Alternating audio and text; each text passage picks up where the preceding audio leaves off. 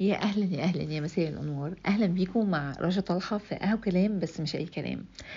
أنا مبسوطة قوي إن أنا معاكم وإن أنا من خلال ال- البودكاست آه، هبتدي أشير معاكم آه، كل الحاجات اللي أنا نفسي كان أتكلم فيها من زمان. آه، كلها حاجات عامة. نتكلم في حاجات من حياتنا اليومية. وطبعا يسود عليها طبع السخرية والكوميديا لأن إحنا أنا دايما شايفة إن السخرية والكوميديا دول هم رأس الموضوع. وبعد كده بتيجي الحياة والحياة مش مستحملة ومش مستاهلة إن الواحد ياخدها بجد بجدية قوي يعني.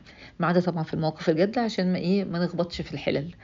آه ليه أنا مسميها أهو كلام بس مش أي كلام؟ لأن آه أنا مؤمنة إن الكلام ده طاقة وإن في ناس عندها طاقة زايدة آه فمحتاجة إنها تتكلم وتعبر عن نفسها ودي الطريقة اللي هي بتوصل بيها كل اللي هي عاوزة توصله مش عن طريق كتابه ولا عن طريق الهمس ولا اللمس ولا الغمز ولا المشاورة عن طريق الكلام فمع كامل احترامي في ناس تانية بيبقى رأيها إن اللي بيتكلم كتير ده بيقول أي كلام. ف...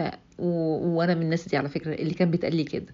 فالكلمة استفزتني جدا. فقلت لأ عمر ما الكلام كان أي كان أي كلام. إن أنا أوصل معلومة أو أوصل رسالة أو إن أنا أحكي موقف أو أنا أشارك تجربة أو إن أنا